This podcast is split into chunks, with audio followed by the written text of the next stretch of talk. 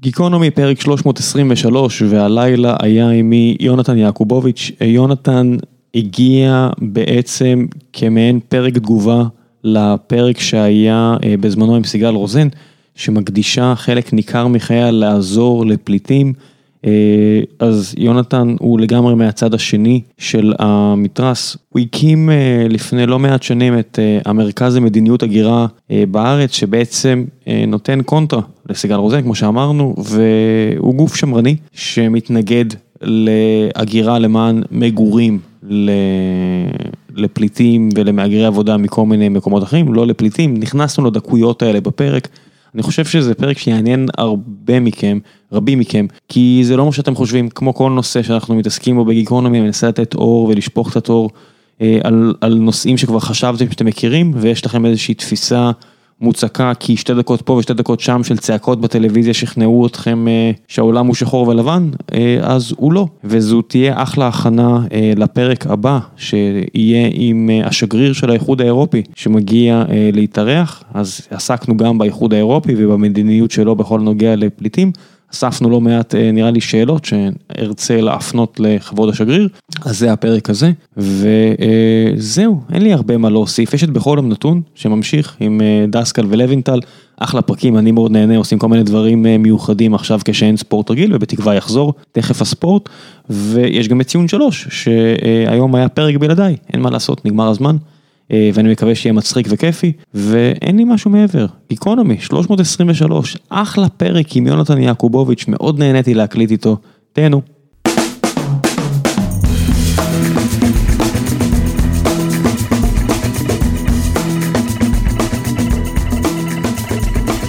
גיקונומי 323 והערב אחרי לא מעט דחיות, אני חושב שזה אחד הפרקים שיותר נדחו אה, בגיקונומי, מר יונתן יעקובוביץ', מה העניינים?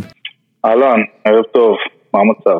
אין תלונות. רצו שאני אזמין אותך אחרי הפרק שאירחתי את uh, סיגל רוזן, והייתי תחת הרושם ששיחקתי שם את ה-Devil's Advocate, זאת אומרת הרבה פעמים אני מנסה uh, לזרום עם האורח, uh, כדי שיהיה לו את הבמה הכי טובה, האורחת במקרה הזה, שיהיה לו את הבמה הכי טובה כדי uh, לתת את uh, טיעוניה, ובמקרה ההוא uh, הרגשתי שאני צריך לשחק טיפה את ה-Devil's Advocate, אבל כנראה שלא עשיתי עבודה מי יודע כמה, כי הרבה אנשים אמרו, תקשיב, אנחנו מבקשים מאוד שתביא את יונתן. אני מדבר איתך על, אה, לא יודע מה, אולי עשר, עשרות בטוח, אולי אפילו 100 בקשות שציינו את השם שלך במפורש, אז הנה אתה כאן. אה, כבוד. תספר למי שלא קרא עליך כמו שאני, כי אני מודה שלא הכרתי, אתה יודע, לא, לא הכרתי לפני כן, אני, כמו רוב הדברים, אני בגלל הפודקאסט צריך קצת לקרוא כדי להעמיק ו, ולגלות עוד, אז קראתי עליך.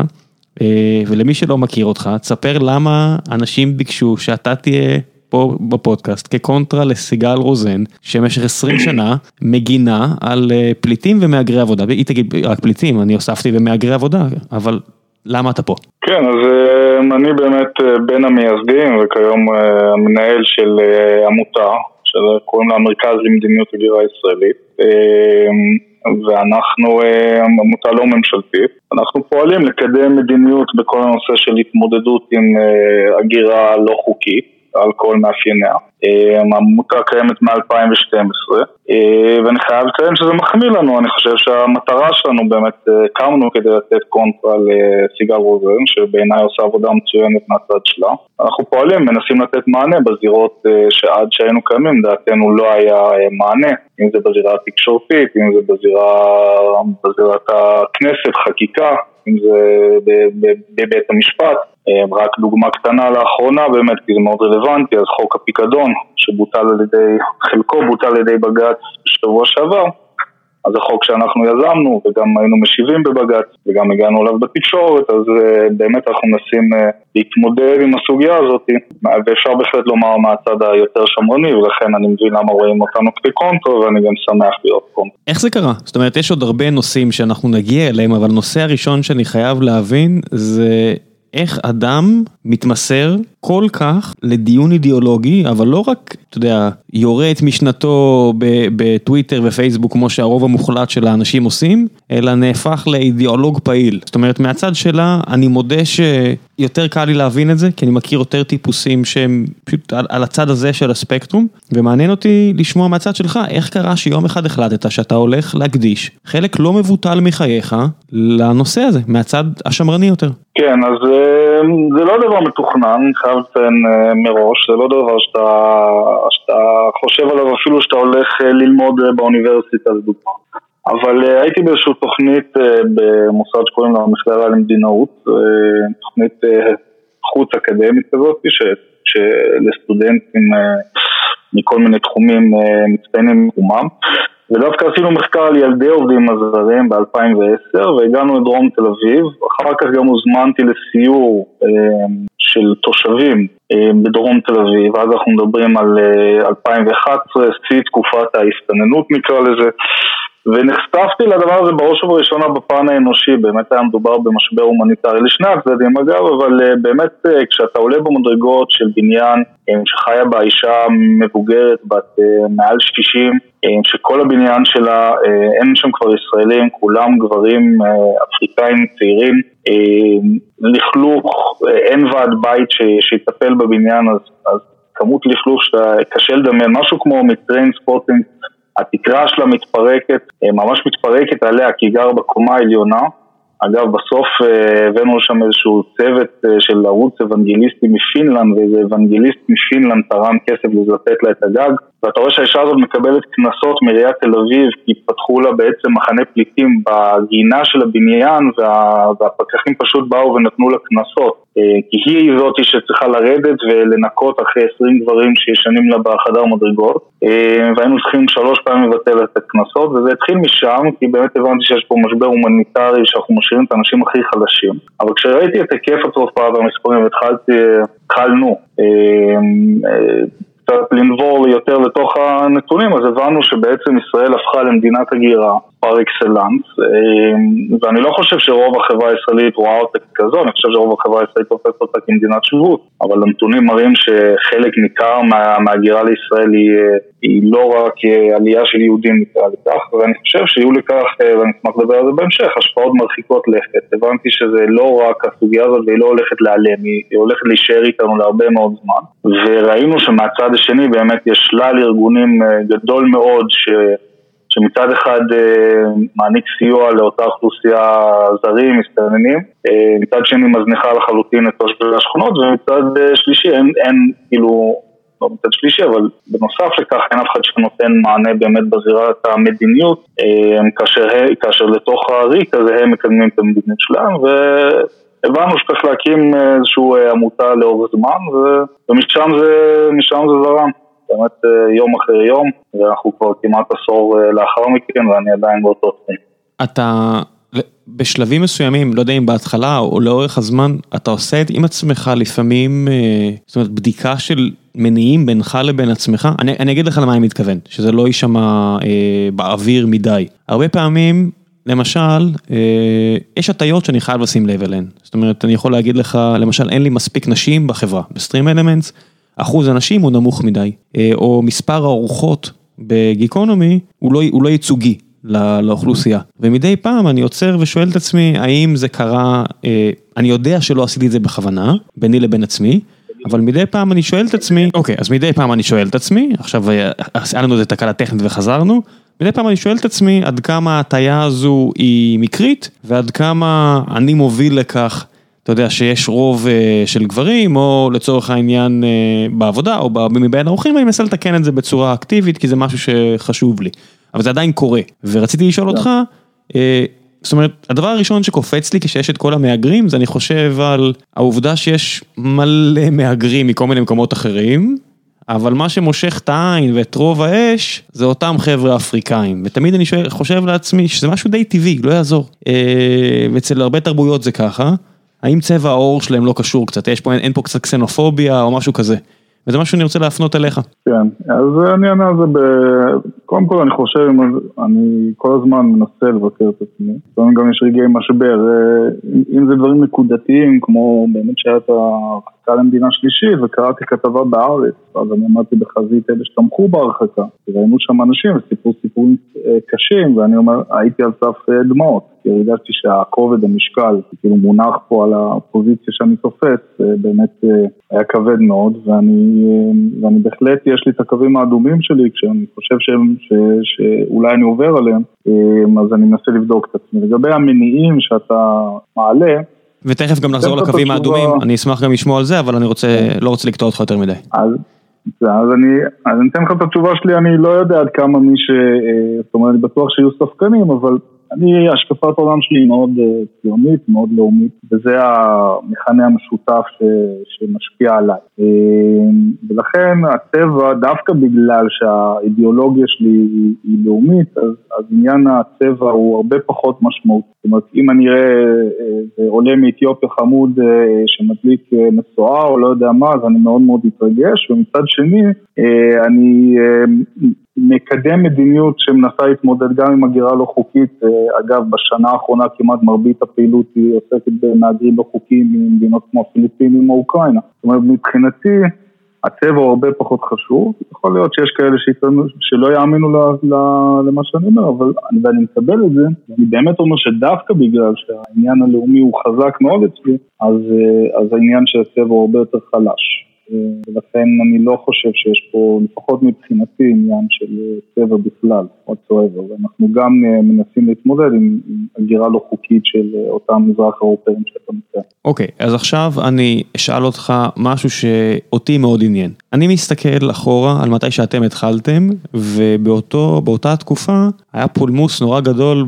במדינה לגבי אה, עצירת המהגרים, בניית גדר, כי מצד אחד היה את הסיפורי האלה על מה קורה בסיני, וכמו שאתה אומר, באמת, דמעות מגיעות כי זה טרגדיה אנושית. ומצד שני, ביני לבין עצמי, אני אומר, אוקיי, אנחנו מדינה קטנה, אנחנו לא יכולים לקבל פה עכשיו מיליון אנשים, גם חצי מיליון, גם, לא יודע מה, רבע מיליון, יהיה פה, יהיה פה קטסטרופה.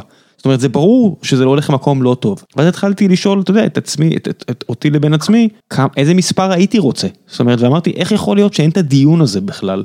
הרי הדיון תפס גוונים של שחור ולבן, של אנשים שאמרו, אה, די עם המדינת, אה, המדינה היהודית הזו, בוא נשאף למדינת כל אזרחיה, אבל זה לא עושה שכל, זאת אומרת, אתה לא יכול, זה מדינה קטנה, אתה לא יכול להכניס אין סוף, ומהצד השני, היו אנשים שאמרו, אה, אל תביאו בכלל, וגם זה לא התיישב אצלי יותר מדי טוב, כי בסופו של דבר אני רואה אה, את הצורך הכלכלי, מעבר לצורך האנושי, זאת אומרת הרבה מהחבר'ה האלה, אה, אני מניח שהם לא מסתובבים שיכורים בדרום תל אביב, כי אני רואה אותם עובדים, אתה יודע, כמו, כמו משוגעים, עושים משהו שיש לו ערך כלכלי, אם זה הפיליפינית, ואם זה האוקראיני שמנקה משרד, ואם זה העובד השחור שמנקה כלים, ואני מצטער שאני... הולך פה על, על השיוכים הגזעניים, אבל לרוב זה, זה, זה, זה הפיזור מבחינת הכלכלה.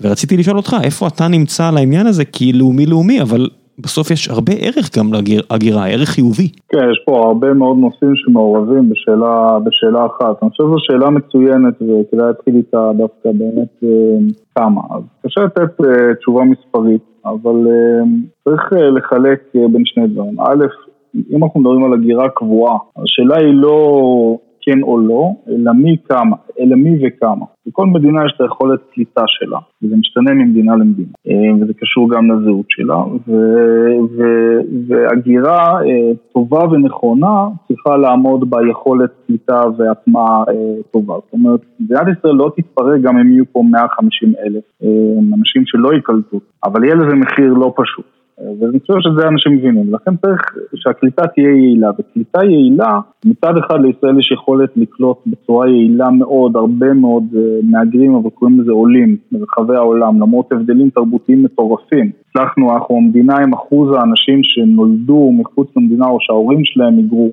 הכי גבוה ב-OECD, ובכל זאת בהרבה מדדים אנחנו נחשבים למדינה שקלטה הגירה בצורה מאוד מאוד מוצלחת. מדובר באנשים שחולקים אתוס משותף, ואגב זה גם לא תמיד מושלם, תמיד היה את השד העדתי ולא תמיד הקליטה היא 100% אבל יחסית היא מאוד מוצלחת. כן, מה זה לא תמיד? יש את המערכון הזה של סאלח שבתי של הגבעה, זה לא שזה לא תמיד, זה תמיד קשה, זה לא שלא תמיד מצליח, זה תמיד קשה, אתה יודע, יש את הקבוצת פייסבוק על הקבוצת, על הסיפורים של העולים משנות התשעים, של העולים מברית המועצות, ואתה קורא את זה ואתה אומר, נכון, לא זה קשה.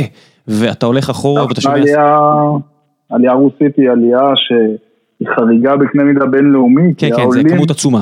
מצליחים מבחינה כלכלית ואקדמית יותר מהישראלים בממוצע, זאת אומרת, הקליטה שלהם היא הקליטה, דווקא עלייה מרוסיה היא הקליטה הכי מוצלחת אולי בהיסטוריה האנושית, למרות זאת היא לא מושלמת, זאת אומרת היא קשה, עכשיו אפשר להתמקד בקושי ולהגיד אוי כמה רע, אוי כמה גזענים, אוי כמה מופלים, להסתכל אובייקטיבית ובמדד, במדד השוואתי ולומר שזו הייתה עלייה מאוד מאוד מוצלחת. לא, אובייקטיבית זה הציל את המדינה, מהרבה בחינות, זאת אומרת אתה מסתכל עכשיו על, על העובדה שחסרים רופאים, ואתה אומר אוקיי העלייה של אה, אמצע שנות ה-70 ושל תחילת שנות ה-90, אה, הציל את המדינה, כמו שאתה יודע, לא נעים להגיד את זה, אבל מהעלייה השנייה שבאו תימנים והיו פה כוח עובד, אתה יודע, שאתה מסתכל על החבר'ה בשעריים ורחובות, מזל שהם עלו, כי מישהו היה צריך לעבוד, ולא רק הבורגנים מגרמניה ופולין שהגיעו, ולמעשה כל עלייה, זה היתרונות בהגירה. אבל כמו שאתה אומר, יש את העניין של האתוס המשותף ונבנתה מדינה. זאת אומרת, אתה מסתכל על מדינות אחרות כמו אה, יפן, שמאוד סובלות מהיעדר הגירה. אבל אתה לא מדבר על זה, ואנחנו לא מדברים על זה, ושנינו מסכימים שהחשיבות של העלייה, של ההגירה היהודית לארץ ישראל היא מכרעת ואין מחלוקת. אני מחזיר אותנו בכל זאת לחבר'ה הלא יהודים שהגיעו בהמוניהם ארצה. כן, אז גם פה יש אה, שאלה, השאלה היא פה, וזה נתקדם, אבל השאלה היא איך אנחנו מאזנים בין אינטרסים. זאת אומרת, אני יכול להגיד בעיניי חד משמעית קליטה קליטת קבע של, אותה, של אותם מהגרים היא לא באינטרס של מדינת ישראל ואני חושב שזה די ברור. אבל מצד שני צריך לחשוב איך מאזנים את זה עם באמת אה, מבקשי מקלט או אנשים שנשקפת להם סכנה. אבל הרבה פעמים אתה רואה את השאלה הזאת שמבלבלים, אומרים למה למה מביאים לפה עובדים זרים ולא נותנים למסתננים לעבוד בחקלאות. ואגב, אני חושב שזה המשפיע המרכזי למה יש התנגדות כזאת. כשמדברים על קסנופוביה, ישראל היא לא קסנופובית. זאת אומרת, אין לה בעיה שמגיעים לפה עובדים זרים, במספרים מאוד משמעותיים אפילו, באים עובדים והולכים. הבעיות מתחילות כשהם דורשים להשתקע בישראל. שם מתחילות הבעיות גם מבחינת ההתנגדות של האוכלוסייה וגם מבחינת uh, הכלכלה. ו- והרבה פעמים אתה שומע אנשים יוצאים נגד הדלת המסתובבת לדוגמה. הדלת המסתובבת שמביאים לפה עובדים זרים שבאים חמש שנים ויוצאים זה הדבר נפלא. זה ווין ווין. זה מאפשר לנו להביא כוח עבודה זול, שמאפשר לנו גם להעניק את הטיפול הסיעודי הכי טוב ב-OECD לדוגמה, לזקנים שלנו. אה, לאנשים הכי חלשים באוכלוסייה, זה מאפשר לאותם אנשים להכניס הרבה מאוד כסף במונחים של בניות המוצא, כאשר אם לא היינו מאפשרים להם, האלטרנטיבה הייתה לעבוד בסעודיה בחמישי, בשליש מה, מה, מה, מהשכר שהם מרוויחים פה, או להישאר בעוני במדינות שלהם. מצד שני, הם עוזבים בסוף התקופה. אנחנו מדברים על, על השתקעות, אז אני חושב ששם תתחיל לנו הבעיה וצריך להבין שהסיכוי שהאנשים האלה ייקלטו באופן מוצלח ולא יהוו נטל לכלכלה הוא, הוא מאוד קטן, אנחנו רואים את זה כבר מה שקורה היום, אנחנו רואים את זה במדד גם... זה השפעת. באמת ככה? זאת אומרת, אני, אני מודה שאני קצת חי ב la-la land, מרכז תל אביב זה la-la land, אני מודע לזה. אני לא, לא בורח מזה, אני בכלל באר שבעי במקור, אבל אני פה מספיק שנים כדי להבין שזה fucking la-la land. אני יורד למטה. ואני רואה חבורה של ילדים שזה נראה כאילו אני גר בניו יורק, זה ילד פיליפיני שמדבר עברית, זאת אומרת ניו יורק הישראלית, אה, אני רואה ילד פיליפיני שמדבר עברית שוטפת, ואני רואה ילד שחור שמדבר, שחור אבל לא אתיופי, אה, יהודי, אלא, אתה יודע, כן. מערב אפריקה, הוא לא יודע מה, מרכז אפריקה, אני, אני לא יודע מספיק כדי, אם עוזי דן היה כאן, הוא היה מכה אותי עם אה, מקל. על, על הבורות, אבל משהו שהוא לא אתיופי, ואיזשהו מוצא שהוא לא אתיופי, ואני רואה ילד שהוא בבירור, אתה יודע, מזרח אירופאי לא יהודי, אוקיי? וכולם מדברים עברית, כן. הם משחקים שני ילדים, ונראה כאילו הכל פיקצ'ר פרפקט, אבל ברור לי שזה לא ככה אה, במגד, במידה גדולה. אני לא יודע מה האחוזים של קליטה מוצלחת או לא מוצלחת, אני מניח שאתה תוכל להוסיף פה ידע ש, שחסר לי, כמו שגם ברור לי שזה יכול לעבוד באיזושהי רמה. אני לא חושב שזה בלתי אפשרי אה, לעבוד, אני חושב שמספר מסוים יכול לעבוד, אבל אה, הם מדברים עברית יפה, אבל תראה, אתה בדיוק דיברת על הדור אחד וחצי, וזו הקליטה אחת המוצלחות בהיסטוריה האנושית. אה, ואתה רואה את התסכול, למרות שהם נקלטו פה טוב, למרות שרובם המוחלט חולקים את האתוס. השאלה אם הילדים האלה שמדברים עברית ולא חולקים את האתוס, ורואים אותי בתקשורת, ורואים את שר הפנים בתקשורת, ורואים את כל מי שאומר, שאומר להם שהם לא רצויים, הסיכוי לדעתי שהם יגדלו וירגישו רצויים במדינה הוא מאוד קטן. כשאנחנו רואים לא מעט ראיונות, בגלובס היו, ותעשה בגוגל ילדי, ילדי המסתננים, ילדי מבקשי המקלט, כל אחד לפי ההגדרות שלו. אבל אתה רואה שהם כבר עכשיו, רובם הם, הם קטנים, אין לנו, הדור הזה עדיין אה, אומרת, מרבית השכבה הזאת נמצאת בגילי א', אה, גנים א' עד ג' ד', אבל כשאתה רואה את המעט שכן גדלו פה והגיעו לפני כן, ואתה רואה תסכול מאוד מאוד גדול. זאת אומרת, אפשר להעריך שאותם קשיי קליטה שהיה עם דור אחד וחצי שהעלית, או, וצריך להודות על האמת, קשיי קליטה יותר קשים אפילו עם עולי אתיופיה, וזו אוכלוסייה ש... שלפחות בעיניי ובממדים השוואתיים מדינת ישראל חיזקה והשקיעה המון המון משאבים בקליטה שלהם ועדיין אתה רואה תסכול שמתפרץ מדי פעם.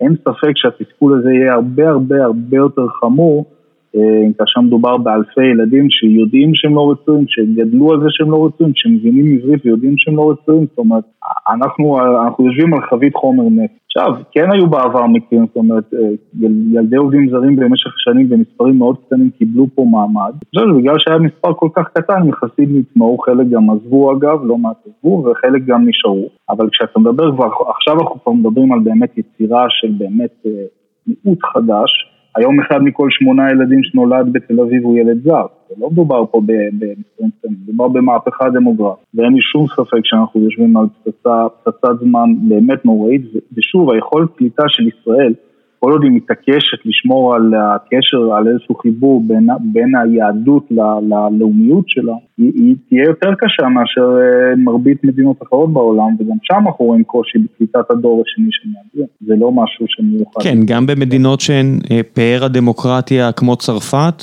אה, שלא חפה מבעיות, ואתה רואה את סן דני מסביב לפריז, לומר שזה חבית חומר נפץ יהיה underestimate פראי. אה, מצד שני, אתה רואה את אה, ניו יורק, שעשור אחר עשור קלטה את העולים שלה, ואני אומר עולים כי גם האתוס שלהם הוא אתוס שכל אחד יכול לאמץ לחיקו, וכולם אכלו שם חרא. כולם, האיטלקים, נכון. האירים, היהודים, כולם אכלו חרא, וזה הפכה להיות, אתה יודע, אה, הבירה.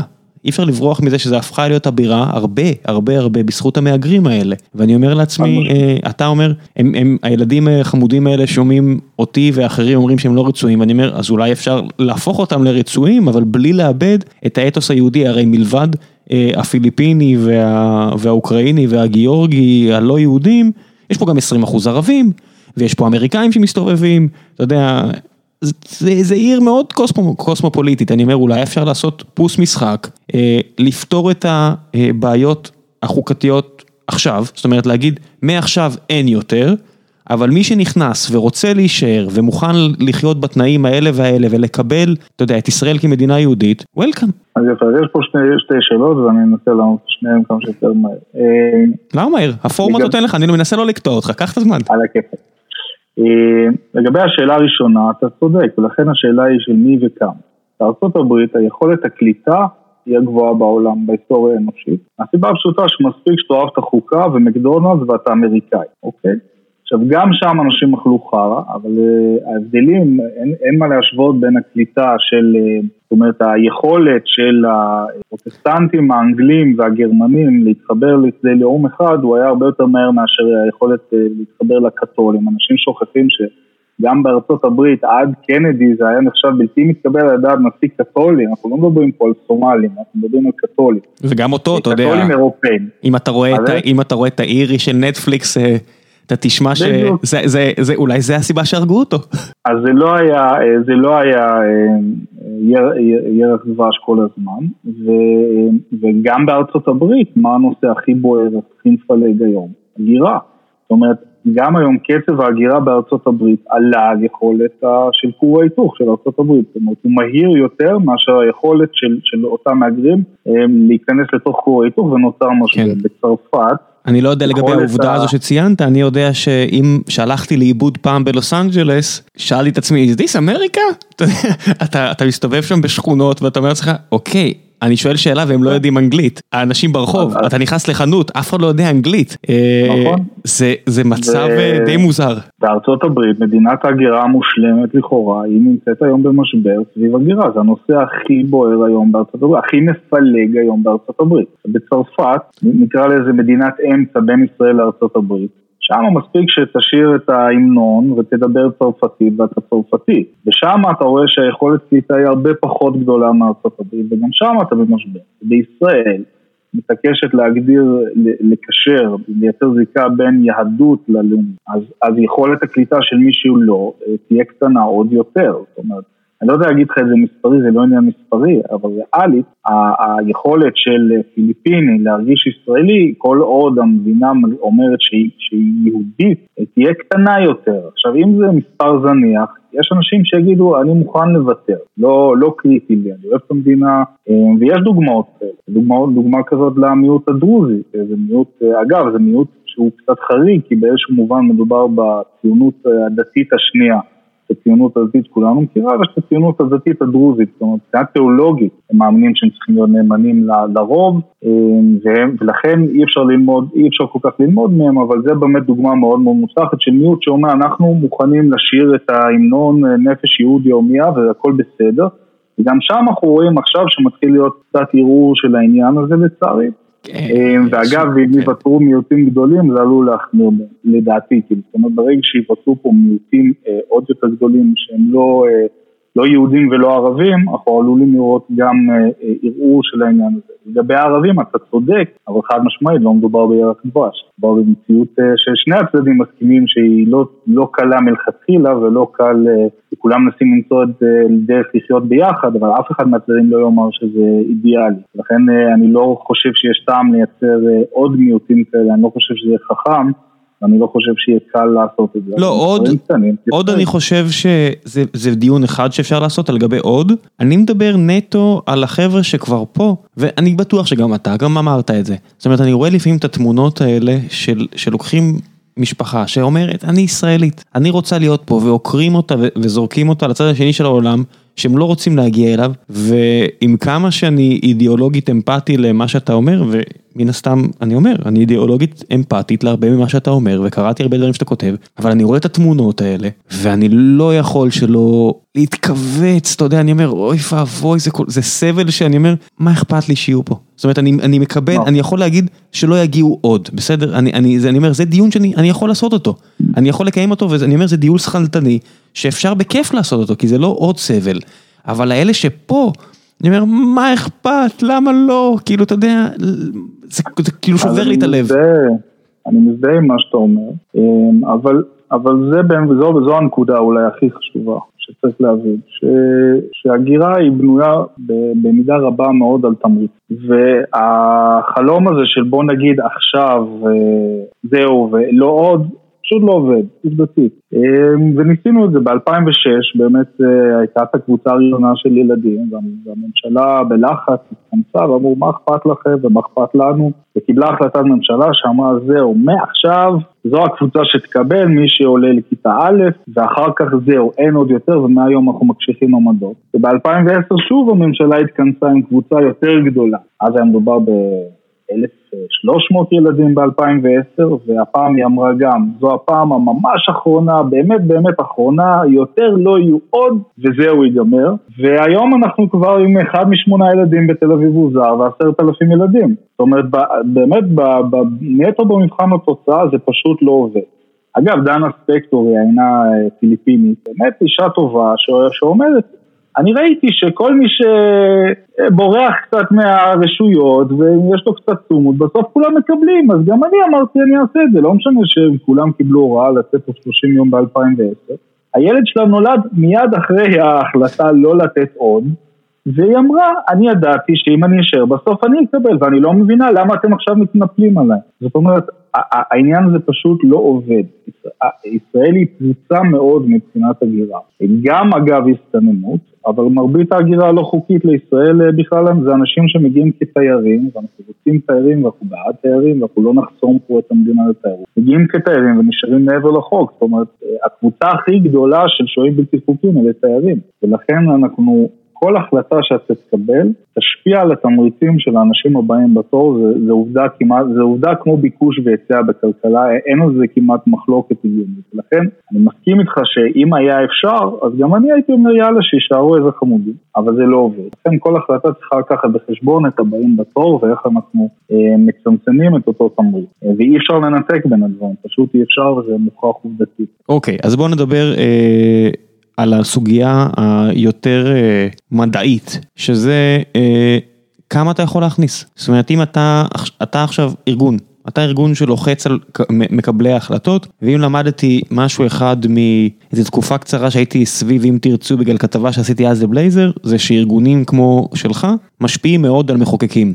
שהרבה פעמים אה, עסוקים בללכת לבר מצוות ו- וכל מיני כאלה, כי הם צריכים להיבחר ויש פריימריז וצריך לאסוף כסף וצריך כזה וצריך פה, ואז מגיעים ארגונים ומכינים להם חוקים, והם קוראים את זה והם די מסכימים עם הארגונים האלה מראש והם חותמים. זאת אומרת הכוח של ארגונים כמו שלך, ארגונים חוץ פרלמנטריים, חזקים, חזק.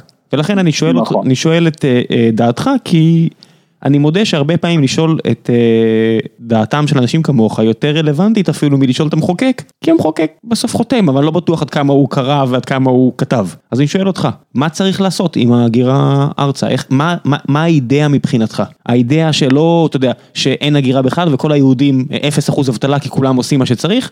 בוא נדבר על, על האידאה הפרקטית. כן, אז לגבי מספרים אני לא יכול לנקוב במספרים, אני רק יכול לומר שבאמת לחזור אחורה ל... ל אני יכול להגיד שני דברים. א', האידאה היא קליטה מוצלחת. אפשר להתמודד עם מספר מהגרים שלא, זאת אומרת המדינה לא תחרב, תשלם על זה מחיר כבד, אבל המספר צריך להיות, הקליטה צריך להיות מוצלח. ולכן אני באמת חושב שהמספר שאנחנו יכולים לקלוט מלכתחילה הוא מאוד מאוד נמוך, אני גם לא חושב שיש לנו אינטרס. חושב שבאופן כללי אה, מדיניות ההגירה כיום, שהיא מבוססת על חוק השבות ומאפשרת איחוד משפחות ופותרת את העניין של הצורך בהגירה כלכלית, אה, היא, היא, היא סך הכל טובה, הבעיה היא בעיקר ב, ב, ב, בכל העניין של אכיפה, וגם צריך לומר שאפילו בעיניי גם היום חוק השבות הוא אה, חוק, החקיקה נרחבת מדי זאת אומרת היום אה, אה, אנשים לא מודעים, אבל באמת פרסמו את זה בוויינל לפני כמה זמן, אבל כאילו פרסמו שמרבית, אה, שבחלק גדול מהמדינות, מרבית העולים הם לא יהודים. לא, היה להם איזה דוד של סבא, פעם הניח תפילין כי ביקשו ממנו מחוץ לקניון בקייב. כן, אז... אז, אז, אז זה לא בדיוק ככה, וגם פה צריך לעשות חלוקה וצריך, וצריך להתעסק עם הסוגיה הזו בצורה מאוד מאוד עדינה. אבל כיום החוק, אנשים לא מודעים, מאפשר ליהודי לעלות, לבן של יהודי לעלות, לנכד של יהודי לעלות, עם בני הזוג, ויש עכשיו נוהל של נוהל הנין שמאפשר לנין של, ה, של יהודי לעלות עם ההורים שלו, שזו הרחבה עוד יותר. והדבר הזה עוד היה משמעותי אה, ב-1970 כשחוקקו את החוק, שאף אחד לא העלה בדעתו שמישהו ירצה לבוא לחור הזה אם אין לו באמת קשר מאוד מאוד חזק עם העם. החקיקה הזאת שהתאימה כשהתל"ג שלנו היה אה, לנפש 2,000 דולר, אה, לא מתאים למצב שאנחנו עם 40 אלף דולר, והתמריץ היום כמעט 40 אלף, והתמריץ היום להגיע לישראל של אנשים שהזהות שלהם, היהודית שלהם היא חלשה עד לא קיימת, הוא גדול ומנצלים את זה לרעה לא מעט אנשים. עכשיו גם פה, אני לא מסתכל על זה מהבחינה ההלכתית. מבחינתי בן אדם שקוראים לו אה, מוסקוביץ' והוא עושה קידוש, ו... אבל רק אבא בשבת ורק אבא שלו יהודי, זאת אומרת זה לא מעניין, הוא יהודי לכל דבר. אבל בן אדם שקוראים לו, לא יודע, אה, בוגדן ו... ו... והוא עלה כי באמת איזשהו שליח סוכנות סיפר לו שסבא שלו היה יהודי והוא זכאי לעלות, וזה... ויש היום גם, יש, לא רק שליח סוכנות, זה בעיקר, יש גם חברות מסחריות שעושות את זה, כמו שפה מפרסמים שכל אחד יכול לקבל דרכון פורטוגלי, אז כן. אני חושב שזו בעיה. ואני חושב שהגירת עבודה, באמת, כמו שאמרתי, זה, זה, זה באמת מצב של ווין ווין, זה באמת מאפשר לנו לתת להרבה מאוד אנשים לעבוד פה, להרוויח הרבה כסף במונחים שבמדינות המוצא, בלי הצורך לקלוט אותם אה, לאורך זמן, מה שיהפוך אותם אה, ללא משתלמים. ואני עוד שנייה אלך על העניין של מבקשי מקלט. אבל כן, זה לא שאלה שבאמת מהותית. ברור, ברור שגם נגיע אבל, לזה. אבל, אבל אה, הנושא הזה עולה, הרבה פעמים אני רואה גם אה, חבר'ה ליברליים כלכלית, אומרים מה אכפת לך, הם, אה, הם, נגיד, אני מסתכל על הפן הכלכלי של המסתננים לדוגמה, הם עובדים, הם תורמים לכלכלה, מה אכפת לך? אז עכשיו זה נכון, צריך לומר את האמת, שנכון להיום המסתננים תורמים לכלכלה.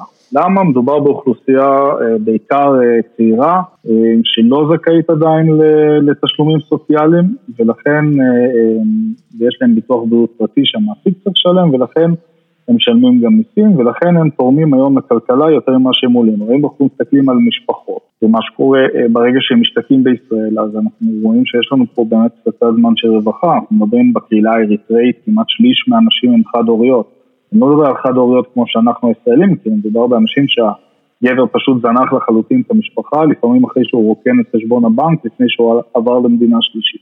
אני מודה שנחשפתי אה, לכמה וכמה סיפורים כאלה. אני לא אציין איך או משהו כדי לא להסגיר, אבל נחשפתי לסיפורים כאלה וזה קשה. זה קשה לגמרי, אבל אנחנו מדברים פה עם מציאות מבחינת רשויות הרווחה, שאני לא חושב שאי פעם בארץ הייתה צריכה להתמודד עם היקף כזה. בשיעור כזה, אה, ובאמת זו פצצת זמן. עכשיו, יודעים גם שנגיד לדוגמה זוג אה, עם שני ילדים, אה, משפחה, אפילו לא זוג, משפחה עם שני ילדים, מתחת לעשירון השביעי, הם עולים לכלכלה יותר ממה שהם תורמים. מישהו באמת יכול לחשוב שהאוכלוסייה הזאת תתרום מבחינת מיסים לכלכלה בהמשך? התשובה היא לא. ולכן, אם אתה מסתכל על זה לאורך זמן, אז נכון שעכשיו הם תורמים, ובאמת זו אחת הסיבות שכנראה שהפוליטיקאים לא ממהרים כל כך לגרש. אבל בטווח הארוך אתה אומנם זוכה להנחה מסוימת במנה שלך במסעדה, אבל אתה תצטרך לשלם על זה לאורך שנים רבות מאוד, אולי דורות. שאתה צריך לשלם על זה בריבית דריבית, לטפל באוכלוסייה הזאת כשהיא משתקעת. אני אומר, באופן כללי, הגירת עבודה זמנית זה נכון, היא מאוד משתלמת. בעיות מתחילות כשאנשים רוצים להשתקע. שמע, זה, זה, זה, זה, אני שומע מבין, מבין, אתה יודע, יש דבר אחד שאתה לא אומר, וזה לא עניין של חוקים, זה עניין של אכיפה. כמו כל כך הרבה דברים שקשורים לישראל, בסופו של דבר זה קשור לעובדה שיש פה כל כך הרבה חוקים ולא אוכפים אותם. אתה יודע, נכון. זה, זה מי... אה, חוקי, אתה יודע, מבחינתי, זה, זה קצת נדוש, אבל זה מתחיל מהעובדה שיש איסור על סמים קלים, ויש מאות אלפי עבריינים בארץ, זה מתחיל משם, ממשיך לעובדה שכמו שאתה אומר, יש פה כל, כל כך הרבה מהגרים ששמים זין, וזה נגמר בכך שאתה אה, ימני, אז אני מניח שזה אה, פחות אה, ידבר אליך, אבל יש פה 48 אחוזים מהעם, או 58 אחוזים מהעם שאומרים, אז ביבי מואשם בפשעים, אתה יודע, אני, אני, ואני, דעתי לא כזו לכאן או לשם. אבל חוסר הכבוד לחוק מתחיל בכך שכל כך הרבה אנשים עבריינים, כי לא אוכפים, ויש פה יותר מדי חוקים, והעלמת מס זה כמעט ספורט לאומי פה, אנחנו מקום שלישי בעולם, לעניות דעתי בעולם אה, העשיר, אחרי קוריאה ואיטליה, אם אני לא טועה. אם אני טועה, והרבה פעמים אני טועה, תקנו אותי, גם בסוף הפרק הזה יהיה חלק של תיקונים על טעויות שעשיתי באחד הפרקים הקודמים, אה, אבל זה מגיע מחוסר אכיפה.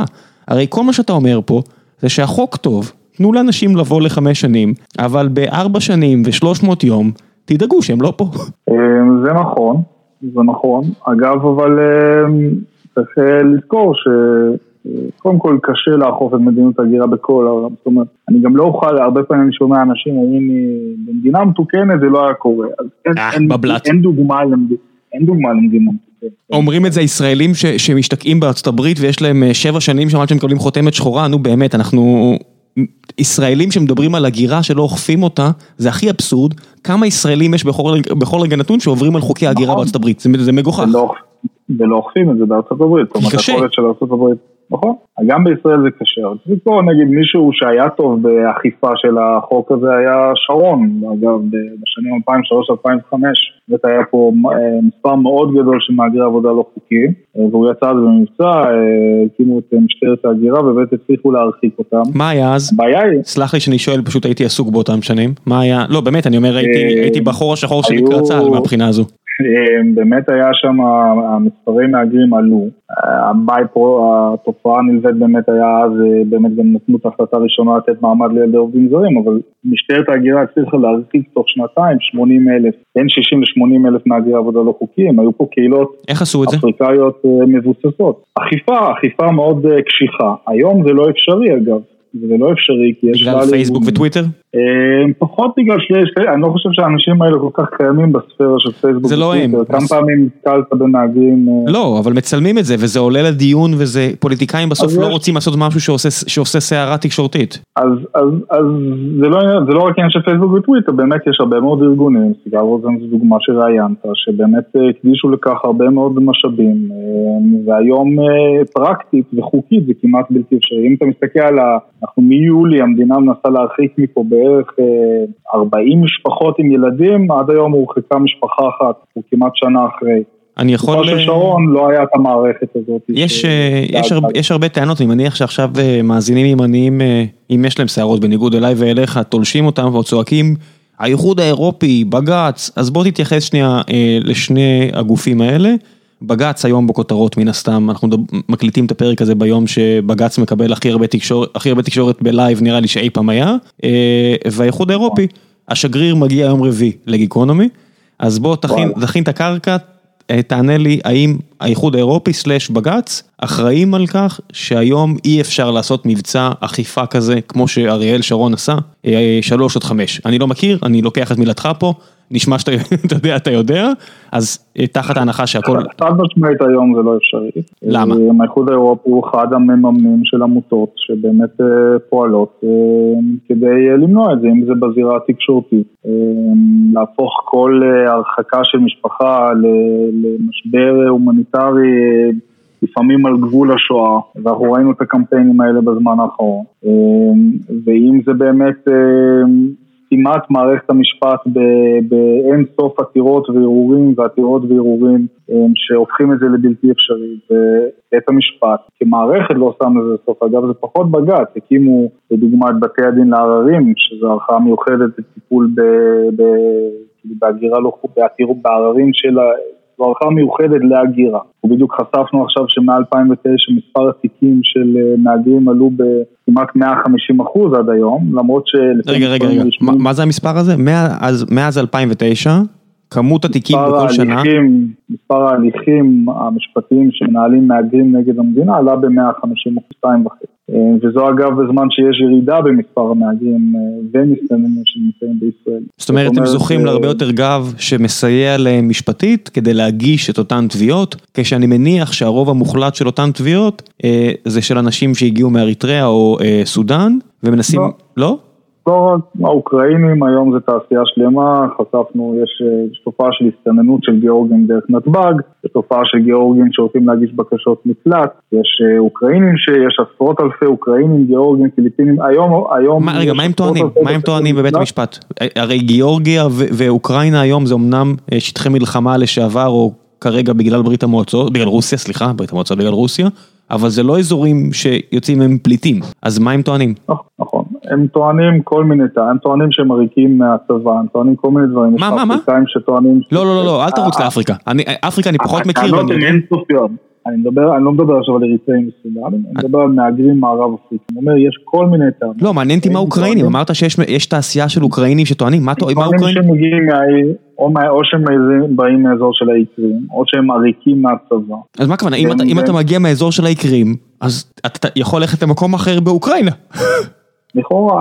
מה, לא, לא, לא, לא, לא, מה זה לכאורה? מעניין אותי מה השופט אומר, לאדם שבורח מחצי האיקרים. אתה רוצה דוגמה עכשיו, אז באמת המדינה הבינה שמדובר באמת בבקשות אה, מופרכות, והיא יישמה נוהל באמת של דחייה מהירה. לאוקראינים ולגיאורגים, שזה העיקר באמת המאסה שהגיעה, והיא אמרה באמת אה, נוהל בדיקה מהירה, ואם אין לו איזשהו case פרטני, אז דוחים מהר. אז אה, באמת, אה, ואיזה זוג עכשיו, ראיתי באמת פסק דין שזוג חרשים, שטענו שהם מהעיקרים, והיחס לחרשים בקייב הוא קשה, ולכן הם מבקשים מקלט, והדיין אמר, אפ אפ אפ אפ, זה טוב ויפה שקבעתם נוהל מהיר, אבל מה, איך אתם מתייחסים למקרים חריגים כאלה, ובדיקות כאלה בעצם, כן, כן, מה, אם אתה, אני מדי פעם מפרסם בפייסבוק של אנשים מתפרסמים, אבל הדברים שאתה קורא בבתי הדין לערים ואחר כך בערעורים מנהליים, הם פשוט יכולים באמת להוציא את השערות לאנשים. והדברים האלה גורמים לכך שדה פקטו, אם יש לך נוהל מהיר, אבל, אבל בתי הדין קובעים לך חריג וחריג וחריג, ובעצם אתה כאילו בסוף צריך להתייחס לכל מקרה פרטני, למרות שברור לכל, לא נשקפת אף סכנה לאנשים חרשים, גם אם הם מאזור האי קרים בקייב. זה ברור לכל, אבל עדיין לא יכול לא, להיות... אתם צריכים לבדוק את זה. לא, אני בכל... אני אשלח לך את הפסק דין הזה. אני... אה, אני המנהל הטכנולוגי של אה, סטארט-אפ, אה, ממומן, וכמוני כל אחד שבתפקידי יודע, אני אין יום שאני לא פותח את לינקדאין, ואין לא מחכות לי שם. שלוש הודעות מאוקראיניות שנראות כמו דוגמניות, אבל בעצם הן, אה, לפחות לפי התמונה, הן מנסות לשכנע אותי לקחת את החברה שלהן למיקור חוץ לאוקראינה. שלוש, ביום, אני, אני לא צוחק, זה, זה עשרות, כל הכבוד להם, כן. אבל כל כן. מדינה שיכולה להחזיק עשרות חברות כאלה, לא יכול להיות, לא יכול להיות שדיין יגיד שזה מדינה ש...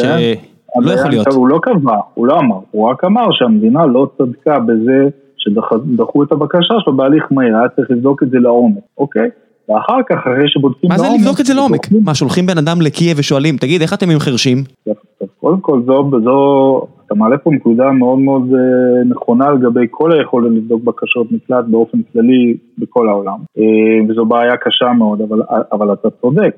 אבל בתי הדין זה לא, אתה רואה שלא אכפת להם. ועכשיו, מה שקורה, ואני אביא לך דוגמה מאוד מהירה, האנשים האלה ייבדקו לעומק, ייקח למדינה לא מעט זמן לעשות. אחר כך הם יגישו ערר פנימי, אחר כך הם יגישו, יחזרו לאותו דיין או דיין אחר ויגידו, יערערו על ההחלטה לדחות את הבקשה שלי. ואחר כך הם יכולים גם להגיש ערעור במחוזי, ואם הדבר הזה לקח חמש-שש שנים ועכשיו יש להם ילדים, אז עכשיו הם הולכים ומגישים בקשה הומניטרית לקבל מעמד בישראל, כי הם חרשים עם ילדים. ואז אותו תהליך מתחיל שוב, והדרך כמובן למנוע את זה זה על ידי פסיקת הוצאות, אבל מרבית המוחלט של המהגרים לא משלמים את ההוצאות שגובים להם, וההוצאות שנפסקים להם אה, נמוכות מאוד, וככה המערכת נראית. ואחר אנחנו רואים עלייה של 150 אחוז במספר התיקים, וכל עוד... רגע, יונתן, אני מצטער, אני מצטער, אני לא יכול לעזוב את זה. מי עוזר, אתה יודע, שסיגל רוזן הייתה כאן, היא אמרה לי, אנחנו עוזרים לאנשים שאנחנו חושבים שהם באמת פליטים, כן. ופליט זה הגדרה מאוד ברורה של האו"ם, אז אני צריך להבין, האיחוד האירופי עוזר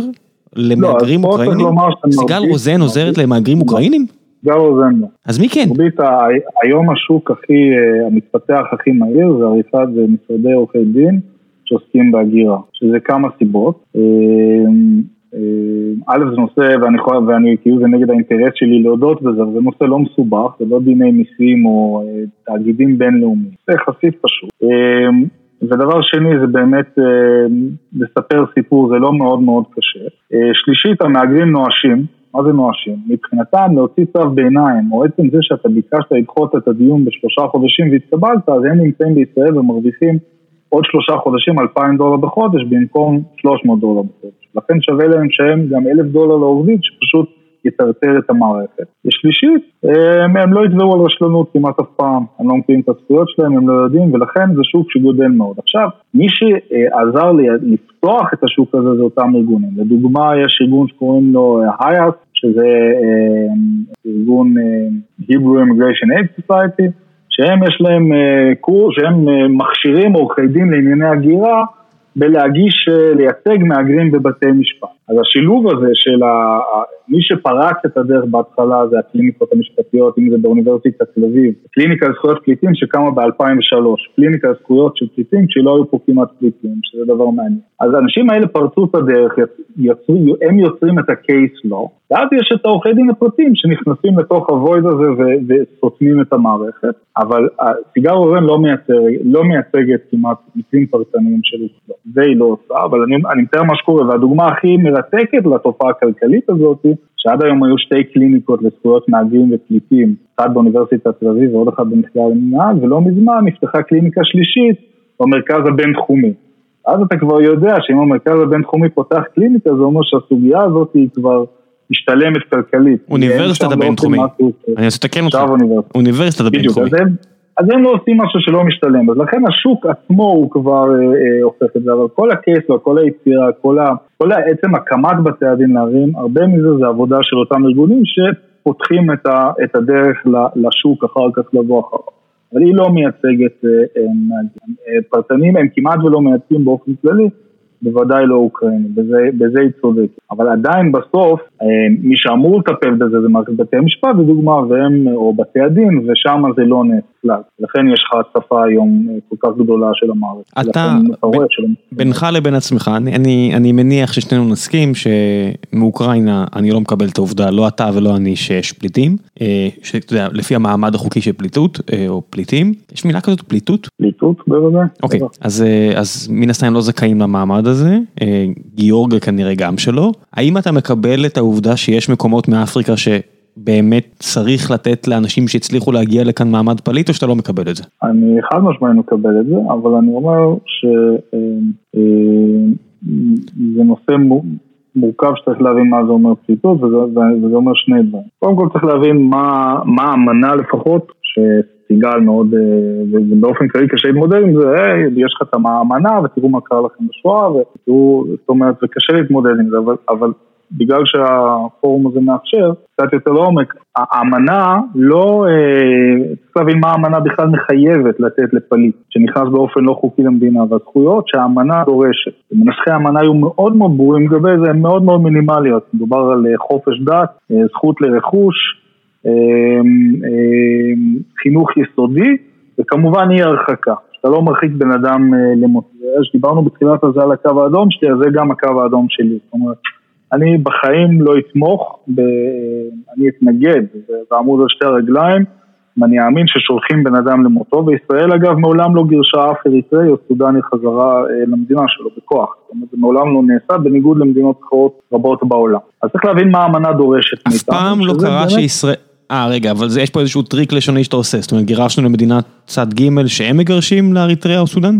לא, לא שיש, יש, הטענה היחידה שאני מכיר, ואני לא ראיתי ביסוס לזה, זה שבאמת כשישראל הייתה את ההרחקה החמה במצרים, באמת הם הוחזרו למצרים ולא ידוע מה קרה איתם. וכשאומרים לא ידוע, וגם סיגל אמרה, אז תבין, עד היום חזרו 3,500 אריתראים לאריתריאה, ומעל ל-6,000 סודנים לסודן, ומעל ל-5,000 שיצאו לאוגנדה ורואנדה, זה לא מנע מהם לעשות קמפיינים מיצגי אום שלגפלץ ברכבת ולטעון שכולם נשלחים למותם ושאף אחד לא שמע מה קרה איתם ולכן יש... רואנדה זה לא המדינה שיש לה את העתיד הכי ורוד כרגע באפריקה?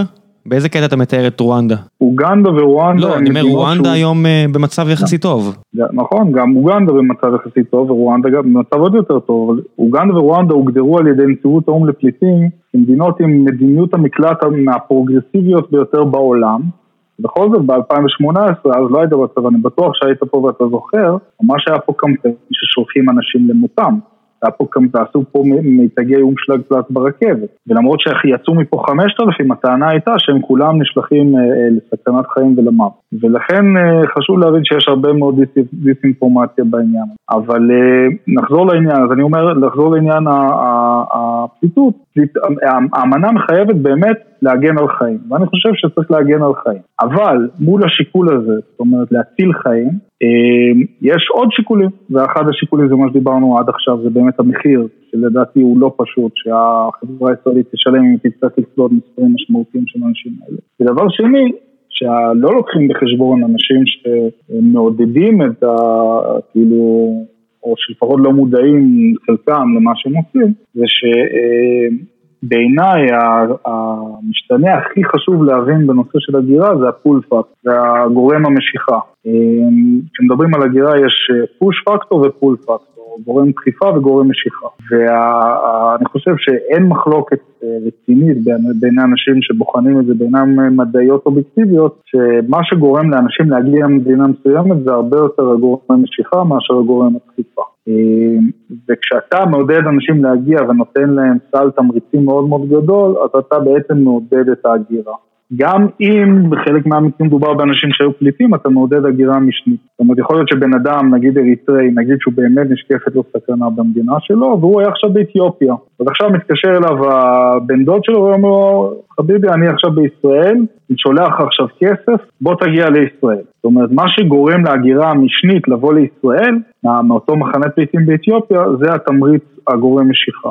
והבעיה של היצירת גורם, משיכה, שיש לזה גם מחיר הומניטרי כבד מאוד. אתה תיארת את תופעת העינויים בסיני, שזו תופעה שבאמת הייתה קשה מאוד, שהלכה והתגברה ככל שזרם ההסתננות הלכה וגדלה. אה, ונעצרה מהר מאוד ברגע שההסתננות אה, לישראל אה, נבלמה. ולכן אני אומר, זאת אומרת, ולכן כשאני מסתכל על, על מה המדיניות צריכה להיות כלפי פליטים, אז אני אומר שיש אה, שלוש עקרונות אה, חשובים. א', זה שהפליטות זה הצלת חיים, זה לא הגירה וזה לא נועד לתת מעמד וזה לא נועד אה, להפוך אותם לאזרחים ולא, ו, ולא שום דבר כזה, כי זה להציל חיים, זו המטרה, בראש ובראשונה הצלת חיים.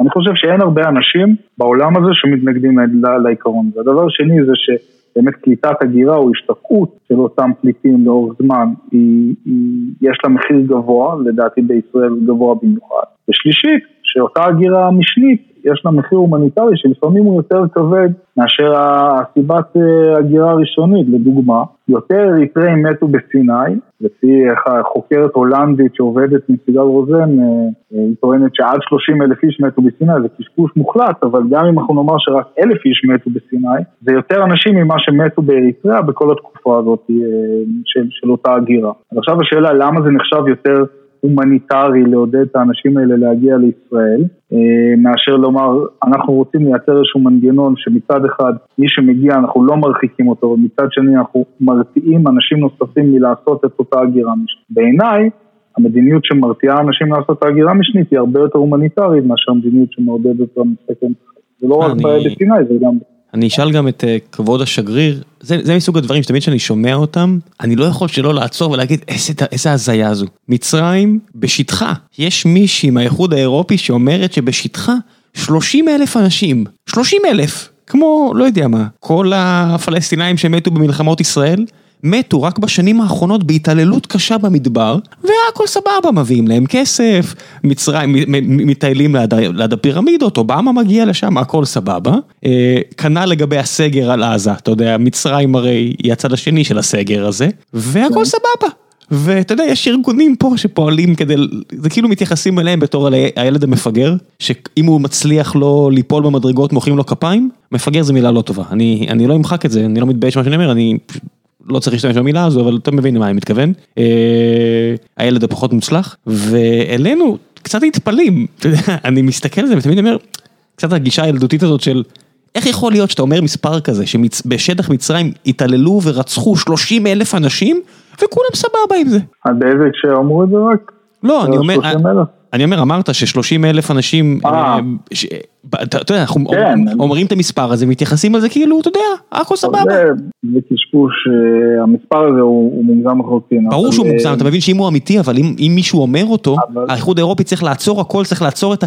שלא יגיע סנט אחד למצרים, אירו אחד, שלא יבוא סנט אחד למצרים. זה באופן כללי נכון, שישראל מקבלת יחס מפלה, אני בכלל לא מבין. אגב, אני נפגשתי עם החבר'ה של האיחוד האירופי, כי זה די מדהים, כי הם בעצם מימנו פה את אותם ארגונים שעשו פה קמפיין על כמה זה זוועה לשלוח למותם אנשים לרואנדה. תקופה לא ארוכה אחר כך, אה, מה מתפרסם?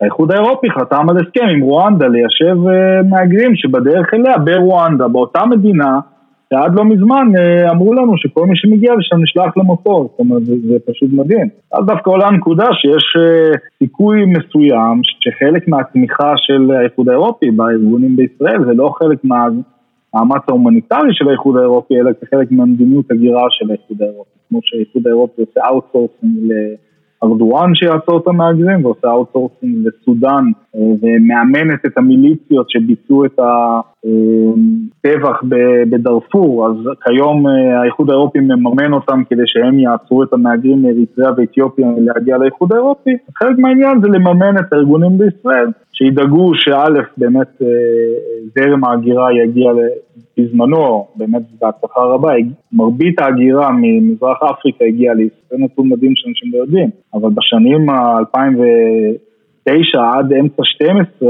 כמעט כל זרם ההגירה ממזרח, אה, לא מזרח אירופה, ממזרח אפריקה, מקרן אפריקה הגיע לישראל, זאת אומרת מספר המסתננים מאריתריאה שהגיעו לישראל היה גדול מכל המספר שהגיע לאיחוד האירופי פי שלושה. בשנה. ו... או לחלופין באמת היו דיווחים שחלק מהחבר'ה שיוצאים מישראל לרואנדה אה, או לאוגנדה אחר כך מנסים להמשיך לאירופה. אז יכול להיות שלאיחוד האירופי היה אינטרס לחסום את אותו הסכם שיש לישראל עם אוגנדה ורואנדה כי היא רצתה לעצור את הזרם מלהגיע אליה. אז בסוף בסוף כשאתה רואה שהאיחוד האירופי חותם עם רואנדה על הסכם יישוב של אה, מהגרים ומממנת פה ארגונים ש... שטוענים שזה כמו השואה, אז יש לנו פה אה, במינימום צביעות נוראית, אבל לדעתי זה גם עניין של אינטרסים מעבר לצביעות הרגילה. שמע, יש, יש הרבה מאוד אינטרסים, אתה רואה את זה בעיקר עם טורקיה עכשיו. הרי הרבה מהמשחק של טורקיה מול האיחוד האירופי זה בדיוק על העניין הזה של תעצבנו אותי יותר, אז אני אכניס את השני מיליון חבר'ה האלה מסוריה ותשתדרו, אתם, אתם כאלה אדיבים ונחמדים, אני אכניס אותם. הרי כל הסיפור הזה, כן, שנותנים אה, לארדואן עכשיו לעשות שם אה, שטח, הוא מרוקן שם שטח ונותן לחברות בנייה שלו להרים שם ערים שלמות בתוך סוריה, תוך כדי מלחמה נוראית, כי הוא מאיים על האירופאים. אם אתם לא תיתנו לי לעשות מה שאני רוצה, אני אפתח את הגבול, החבר'ה האלה יבואו אליכם.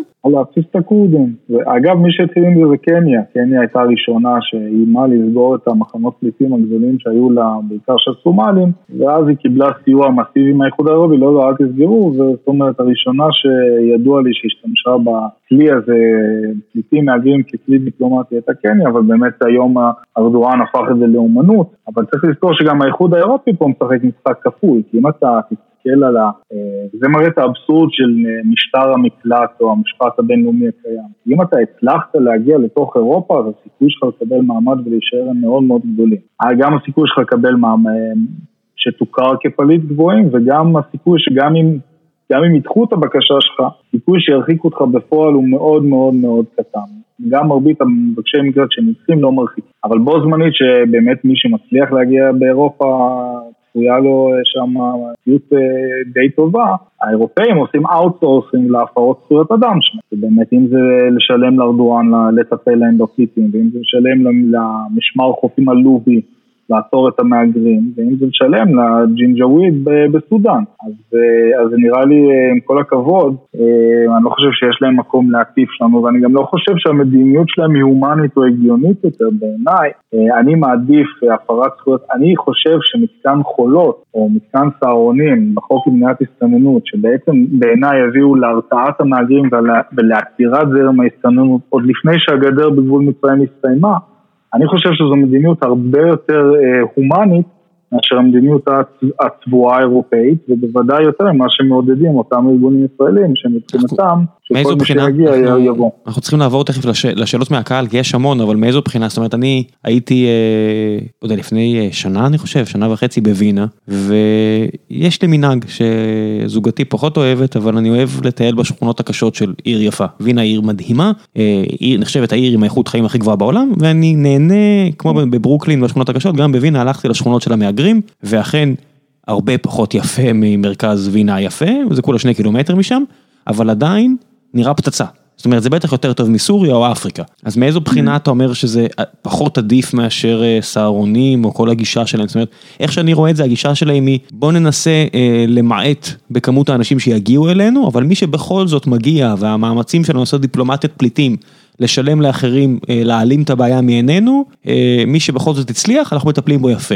יש בזה, לא יודע, אני, אני רואה בזה משהו מאוד נחמד, כמו אצל האמריקאים, מי שהצליח קובני להיסחף לתוך ארצות הברית וילד פה ילד, ברוך הבא. כן, יש, יש שני דברים, קודם כל באמת אה, האיחוד האירופי נוקט בצעדים אה, שמאוד לא תואמים את התדמית שלהם כדי למנוע מאותם אנשים להגיע, זה דבר ראשון. זה כן, זה אני מקבל. המחיר ההומניטרי בעידוד אותה הגירה, ב-2014-2015 טבעו 3,500, כמעט 4,000 איש בים התיכון, זאת אומרת כשאתה מעודד הגירה, זה בדיוק מה שאמרתי שקרה בסיני, כשאתה מעודד את אותה הגירה משנית, המחיר ההומניטרי של ההגירה המשנית הוא יקר מאוד, הוא לא נמוך. אגב, אם, אם תסתכל בסיני, אז אם אה, יש עדיין ביוטיוב, אנשים יזכרו שב-2012 CNN יצאו בסדרת כתבות על העינויים בסיני, ואז דיברו על, אה, על חטיפת איברים, למרות שזה ברור שזה היה קשקוש מוחלט העניין של חטיפת איברים, אבל, uh, uh, ואמרו חייבים לעשות משהו, ובאמת אז היה לחץ על ממשלת מצרים, וזה לא עזר, אבל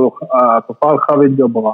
ברגע שישראל עצרה את זרם ההסתננות, תופעת העינויים בסיני נעלמה לחלוטין תוך כמה חודשים. פוף, נעלמה לגמרי. מצד שני, אתה רואה בים התיכון, האיחוד האירופי כאילו אה, עם המדיניות הליברלית שלו שמעודדת אנשים להגיע.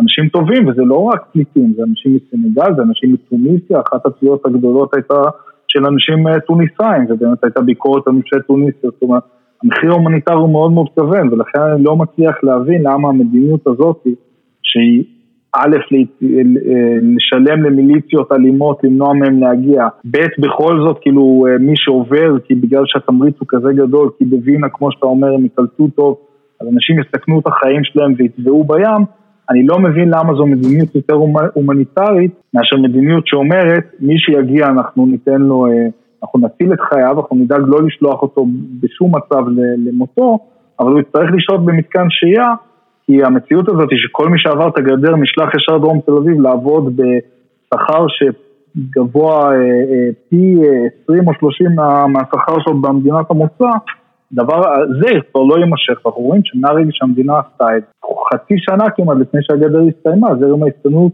ירד מכמעט אלפיים בחודש לכמה מאות בחודש ואחר כך לעשרות. זאת אומרת, אנחנו רואים שזה עבד.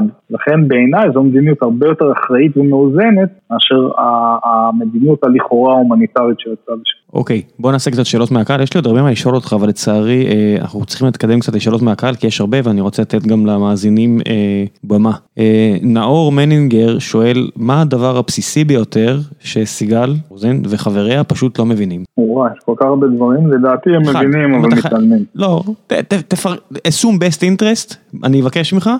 ובכל זאת אני אשאל את השאלה של נאור, מה אתה חושב הדבר שאם הם היו באמת מבינים, זאת אומרת אם היית מצליח להסביר להם את זה, זה היה משנה את ההשקפה שלהם, במשהו, כן? לא לגמרי. אני חושב שעניין התמריצים, מה שדיברתי עליו, הפול פקטור, המחיר של אותו תמריץ שאתה יוצר להגירה, אני רואה זה, אני רואה שהם לא מבינים את זה, ואני אסום best interest פה ממש ממש לארג', הם, הם לא מבינים את זה כשזה בא למהגרי עבודה, כשהם אומרים לנו כל פעם זה רק כמה מאות, זה רק כמה מאות, זה רק כמה מאות, והדבר הזה חוזר על עצמו שוב ושוב ושוב, אז במינימום אני אומר שהם לא מבינים את העניין של תקדימים ותמריצים על הגירה, וכש, ו, ו, ולאותו דבר לעניין ההגירה המשנית שדיברתי עליה, הם לא מבינים אה, אה, את התמריצים שהדבר הזה שבעצם הגישה הליברלית וההומניטרית שהם מקדמים, העלות ההומניטרית הכבדה שזה לוקח, ואגב זה לא רק בהגירה המשנית, יש עוד מחירים כבדים מאוד להגירה, האם זה, אם זה brain drain של מדינות המוצא, האם זה במקרה של אריתריאה, שזה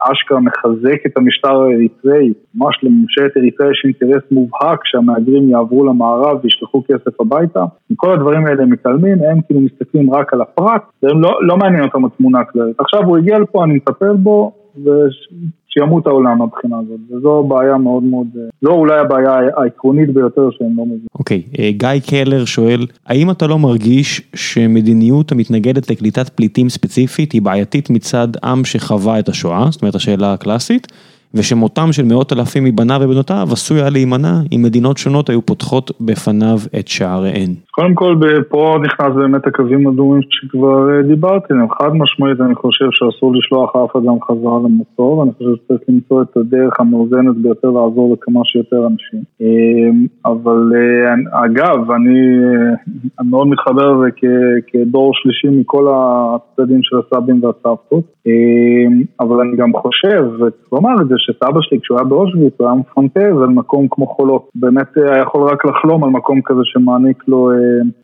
באמת את האפשרות לשהות בישראל. מצד שני, באמת, כמו שאמרתי, אסור לנו לעודד את אותה הגירה המשנית. וגם, אני חושב שהרבה פעמים, ושומעים את זה באופן כללי, מנסים ללמוד את הלקח הכללי מהשואה ההומניטרית, זה נכון. אבל גם יש את הלקח הפרטיקולרי, צריך גם לזכור, למרות שהיום הדגש כבר עבר מה, מהלקח הפרטיקולרי ללקח הכללי, צריך גם לזכור שבסוף אה, חשוב מאוד שתהיה לנו מדינה שהיא שלנו, שהיא...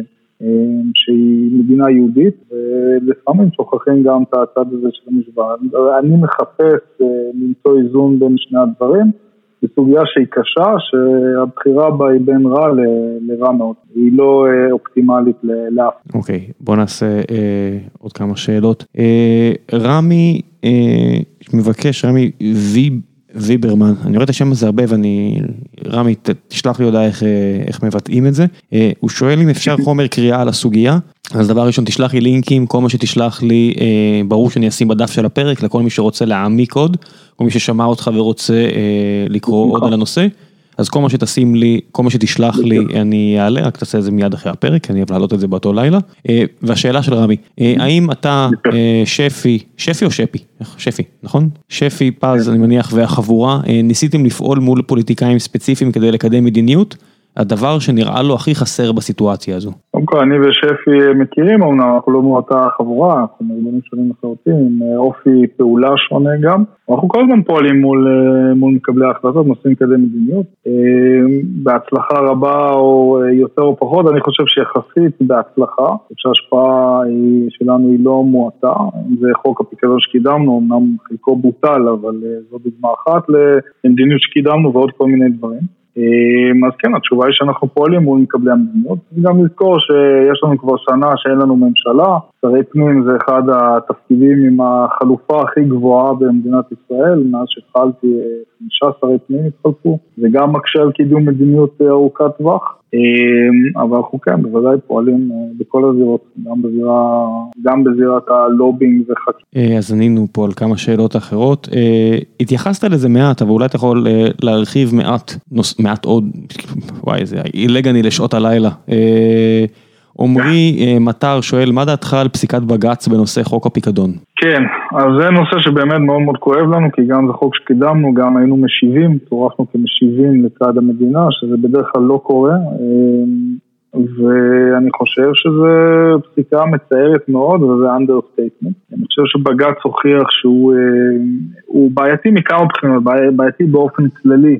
אני חושב שיש בעייתיות רבה וזה שבית המשפט אה, בוחן את השאלה של מידתיות של חוק, אבל לא ניכנס לזה עכשיו כי זה באמת דיון חוקתי נפרד ויש אנשים אחרים שמבינים בזה יותר. הבעיה העיקרית שלי בפסק דין הזה הייתה א', אה, והשופט סולברג שהוא היה בדעת מיעוט ציטט אותנו בהרחבה, אבל קודם כל אה, כשבית המשפט בא לתבוע את השאלה של מידתיות של החוק, אז הוא התבסס אה, על מידע חלקי מאוד ולא מבוסס שהגישו העותרים, שתיארו פה איזה משבר הומניטרי גורף אה, בקרב המסתננים, כאשר מדובר סך הכל ב-20% מההכנסה שלהם, וכאשר נשים ואנשים בעד גיל 60 קיבלו פטור, צריכים להפקיד רק 6%, שזה שווה ערך למה שישראלי מפקיד אה, לפנסיה. אז הם תיארו פה איזשהו באמת קטסטרופה, שברובו היה על תצהירים של מסתננים שהם בעלי עניין, ובבג"ץ אי אפשר לחקור על תצהירים. אז מצד שני, הטענה עצמה שיש פה משבר כל כך גורף שבג"ץ צריך לפסול את החוק לא הייתה מבוססת. מצד שני בג"ץ התעלם מהרבה מאוד עובדות שאנחנו ציינו בפני.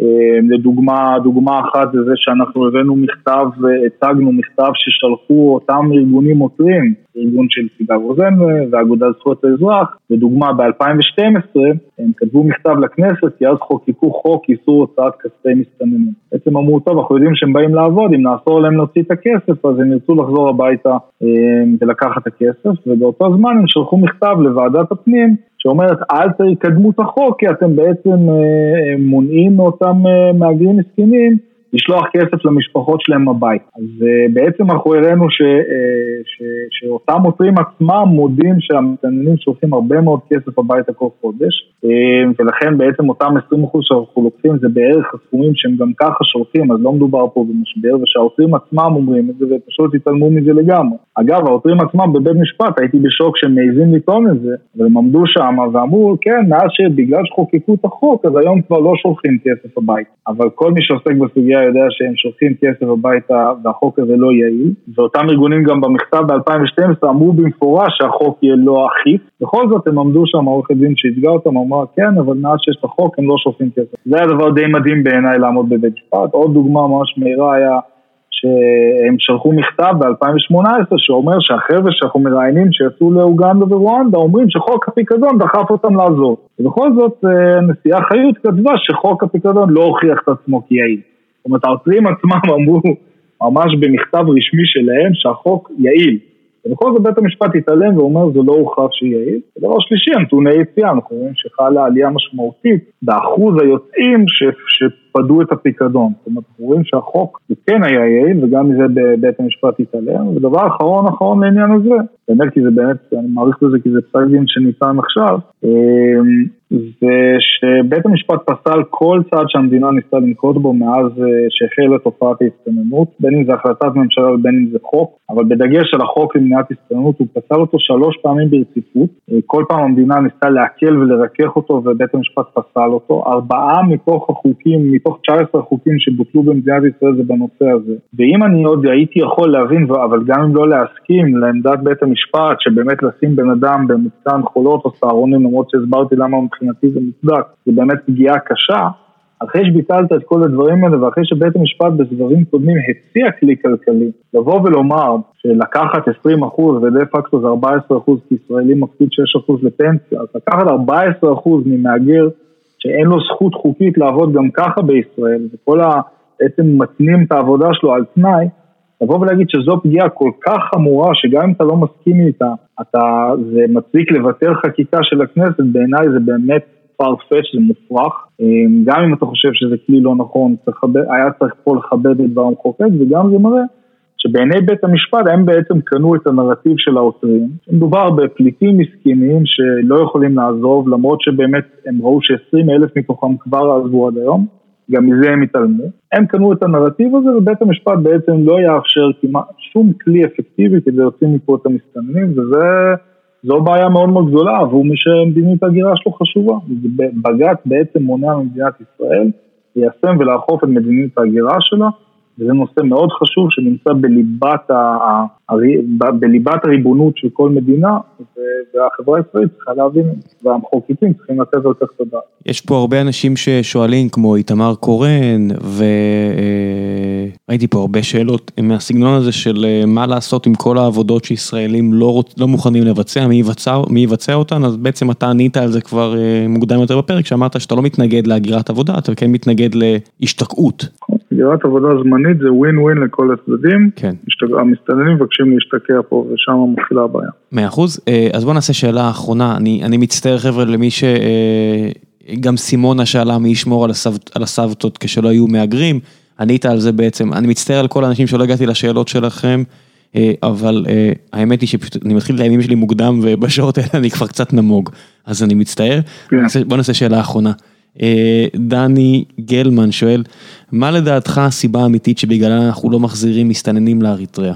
רצון של שופטי בג"ץ להפוך את מדינת ישראל למדינת כל אזרחיה, או ברית צבאית שלנו עם אריתריאה, לפי מקורות זרים, או שיש סיבה אחרת? כן, זו שאלה מאוד מעניינת אה, וחשובה. אה, באופן כללי, דקה על אריתריאה, למרות שאני יכול לדבר שעתיים על אריתריאה. אריתריאה באמת עד איזשהו שלב, נגיד 2007, אריתריאה מכילה אה, חובת גיוס חובה על כל האזרחים שלה, כאשר חשוב להבין שהחובה הזאת קוראים לה national service, שירות לאומי. מרבית האזרחים משרתים באמת בסוג של שירות לאומי, לא צבאי, זאת אומרת רק מיעוט קטן יחסית הם נמצאים בצבא בשירות פעיל וגם אלה שנמצאים בשירות לאומי, זאת אומרת חלק מהם יכולים להיות עובדי בבית חולים, אפילו, דל, אפילו אנשים שעובדים בדלפק קבלה במלון באסמרה הבירה הם, הם משרתי שירות לאומי. אמ, הבעיה עם השירות הלאומי הזה היא אה, אמ, באמת אה, העיקרית היא שזה לא מוגבל בזמן מבחינה רשמית. זאת אומרת, אתה לא נכנס אוגוסט 3 ויודע שאתה יוצא אוגוסט 6. אתה נכנס אוגוסט 3 ואתה לא יודע מתי תצא באופן רשמי וקשה מאוד לתכנן את החיים. אבל כמו שאמרתי, המרבית האנשים משרתים בשירות אזרחי ולא צבאי, והממוצע השירות דה פקטו בפועל הוא כארבע שנים לפי כל הדוחות העדכניים. זאת אומרת, עכשיו יש חריגים, אנשים שמשרתים בפועל עשר שנים, אבל יש גם הרבה שמשתחררים הרבה יותר מהיר אחרי שנתיים. וגם פה צריך לזכור ש... עוד לעניין הזה, למרות שזה נושא מורכב, שאנשים אה, לא מקבלים תעודת שחרור רשמי מהשירות הלאומי. לכן כשאומרים לנו שהם נמצאים במעמד שירות לאומי עד גיל 50, זה דה פקטו זה אנשים שעובדים בפאב באסמרה או באיזשהו עסק אחר של דוד שלהם, אבל הם לא קיבלו תעודת שחרור ואפשר לקרוא להם לאימון או לסוג של מילואים. לרוב יזמנו אותם פעם בשנה או יותר מכך לשבוע אימונים או לעבודה, ב, או אפילו לבנות איזשהו גשר. עכשיו זה מצב די מחורבן ולא פשוט ולא הייתי רוצה לחיות באריתריאה בכלל, אבל בעיניי אני אומר חד משמעית זה לא פליטות. עכשיו השאלה העקרונית היא לגבי אריתריאה, מה יקרה למי שערק או השתמט מהשירות הצבאי ויוחזר. זו השאלה שעומדת בבסיס כל הסוגיה האריתראית. עכשיו, צריך לומר את האמת שבהתחלה אה, העונשים היו קשים ואריתריאה רצתה למנוע מאנשים לצאת, אבל עם הזמן, בערך נגיד נקרא לזה בערך ב-2007, אפילו השגריר אריתריאה בישראל אמר שבהתחלה הוא אמר לישראל תחזירו לי את העריקים. אה, מ-2007 אריתריאה בעצם הבינה בואנה יש פה בוננזה, החבר'ה האלה הולכים לכל העולם, סיגל רוזן אומרת אל תחזירו אותם, אז במקום שהם יוחזרו כמו נגיד מסתנן מאתיופיה או מסנגל שיגיע לפה למערב, הוא ישר משוחרר לדרום תל אביב ועובד. שולח הרבה מאוד כסף הביתה, מעל לשליש מהתל"ג לפי כמה מהמחקרים עד 46 אחוז מהתל"ג, שזה מטורף, אריתריאה היום לא יכולה לוותר על הסכום הזה. מספר לא יאמן. זה משהו שאי אפשר לוותר עליו, מגיע מכספי מהגרים, אגב בישראל חלק לא מבוטל, ולכן אריתריאה בעצם אמרה אוקיי, מעכשיו אנחנו מכילים מדיניות שאנחנו מוכנים, אנחנו לא מוכנים שיחזירו בכפייה אף אחד, רק מי שחוזר מרצון, וכדי לחזור מרצון צריך לשלם בשגרירות אריתריאה מס של 2% על ההכנסה שלהם אה, כל שנה באופן רציף או רטרואקטיבית, ולכן המדינה מרוויחה כמה פעמים, קודם כל שהם שולחים כסף למשפחות שלהם, זה מחזיק, אין שם משפחה כמעט שלא תלויה, יש פרבר של אריתריאה אגב, שכל הבתים שם נבנו על ידי כסף שנכנס מתל אביב, קוראים לזה שכונת תל אביב, יש כינוי, כמה אנשים קוראים לזה, אז יש את העניין הזה, המדינה כמובן ממסה את ההכנסות האלה וגם, וגם שולטת שם על כל, ה, על כל הצ'יינג'ים שם, על כל שאר ההמרה, אז גם שם היא מרוויחה כסף, וגם על ידי אותו המס, שאנשים אה, יוצאים מרצון, אה, רק מי שחוזר מרצון. בעצם זה הפך לבוננדה כלכלית של אריתריאה. לכן המצב היום הוא שאי אפשר להחזיר בכפייה לאריתריאה גם תומכי משטר, ואנשים יכולים לראות את זה ויש פרסומים. שעכשיו אה, תרמו 900 אה, אלף שקל מסתננים אריתראים של לדידה של לפחות הרשמי עד לא מזמן, היום הם מתחילים להודות, אבל עד לא מזמן כל האריתראים היו פליטים, ובעצם פליטים אריתראים מסכנים תורמים למלחמה בקורונה באריתריאה. או היה אפשר לראות כל שנה מסיבות אה, עצמאות שארגנה שגרירות אריתריאה בישראל עם אלפי משתתפים פליטים שהולכים לחגוג בשגרירות אריתריאה. ולכן גם בן אדם כזה, שראו אותו נכנס ומארגן את המסיבה, או שהוא אפילו שייך, יש להם חצי מיליציה כזאת של תומכי משטר בישראל, גם בן אדם כזה, המשטר האריתראי לא משתף פעולה עם הרחקה שלהם. ולכן הדבר היחיד שאפשר לעשות זה לגרום להם לצאת עצמאית. ובאמת עד היום יצאו מעל 3,500 אריתראים חזרה לאריתריאה. אבל צריך למצוא את הדרך לעשות את זה, אז באמת כשהיד חולות יצאו יותר, וכשבג"ץ ביטל את חולות כל מי שנשאר זה באמת את אותו חוק הפיקדון שבעצם יצר תמריץ כלכלי לצאת. אבל אין לך דרך לקפוץ עליהם חזרה. עכשיו לגבי השאלה למה ישראל לא עושה שרירים מול אריתריאה, אני חושב שזה אה, נחמד לחשוב שיש פה איזה קונספירציה משיחות עם כל הגורמים לדעתי, אני חושב שיש פה אה, הרבה יותר רשלנות וקונספירציה. באופן כללי אני ממליץ לאנשים אחרי, אחת ההמלצות שלי הכלליות, אחרי עבודה עם אה, באמת כמעט כל הדרגים במדינה הזאת, אני כבר לא מאמין בשום קונספירציות. אה, המערכת יותר מדי כושלת בשביל לעשות קונספירציה בשום שלב. אה, אני חושב כן. שיש פה, זה בעיקר תקשורתי, ציבורי, אה, תדמיתי עכשיו לגרש לאריתריאה. היחיד שעשה שרירים מול אריתריאה זה טראמפ, וזה עניין, עניין כלל עולמי שלא מרחיקים היום בתביעה לאריתריאה, אני לא רואה כן. קונספירציה. אני מודה שככל שהשנים עוברות בחיי ואני נחשף ליותר, אני תמיד מגיע למסקנה שאם יש לכם ספק בין בינוניות ועצלנות לקונספירציה מתוחכמת, זה כנראה לא קונספירציה מתוחכמת. זאת אומרת, מבנקים מרושעים, ואתם אומרים, איך הבנקים מתנהגים ככה? אומר, כי יש שם מישהו שלא רוצה לעבוד. אני אספר לכם סוד, כי יש שם מישהו שרוצה לחזור הביתה בארבע. אה, לרוב, כן, יש מקרים שזה לא ככה, בטח בעולם, אבל לא בארץ כמעט, וזה ככה גם לגבי מדינות. הרבה פעמים... מערכות מורכבות, הם עמוסים, הם הרבה פעמים קצת עצלנים, לא, לא הפקידים, אולי הפוליטיקאים יותר, ו, ולא בכוונה. אתה יודע, זה, זה הרבה פעמים, בינוניות זה בדרך כלל התשובה להכל.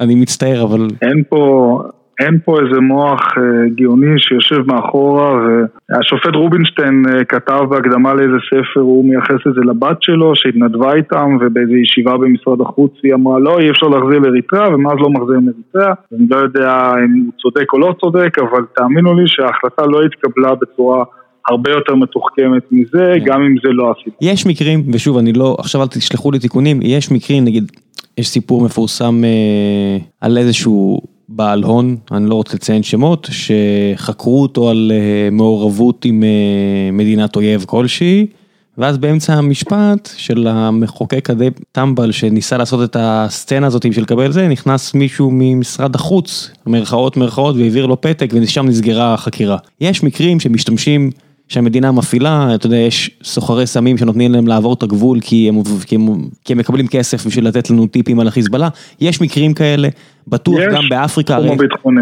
כן, הרי הפצצנו, אתה יודע, לא, לא סוד, אנחנו הפצצנו שיירות באפריקה של איראן וכל מיני כאלה, בסודאן, בסודאן, ועשינו פעולות בכל מיני מקומות, אה, אז כנראה שיש דברים בגו. אבל אני מניח שברוב המוחלט של המקרים זה. אז פה זה, זה, זה כן חשוב, יש לנו אינטרסים מאוד מאוד חשובים עם אריתריאה, אבל כן. להגיד שאותו גוף שקובע את מדיניות ההגירה ואת מדיניות מה אומרים לבית משפט ואת המדיניות, אה, את מי מרחיקים ומי לא מרחיקים, שהוא קשור ישירות לגוף הביטחוני, זה לא.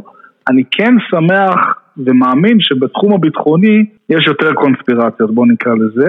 כן, אבל בתחום יש. של ההגירה הרבה הרבה פחות, אבל כן, העובדתית כן. היא אף מדינה בעולם היום לא מחזירה בכוח לאריתריאה. לכן התזה הזאת היא שבגלל שיש לנו איזה בסיס חיל הים על החוף של הים האדום באריתריאה, שבגלל זה אנחנו לא מרחיקים, עובדתית הוא לא נכון כי בכל העולם לא מרחיקים היום בכפייה לאריתריאה.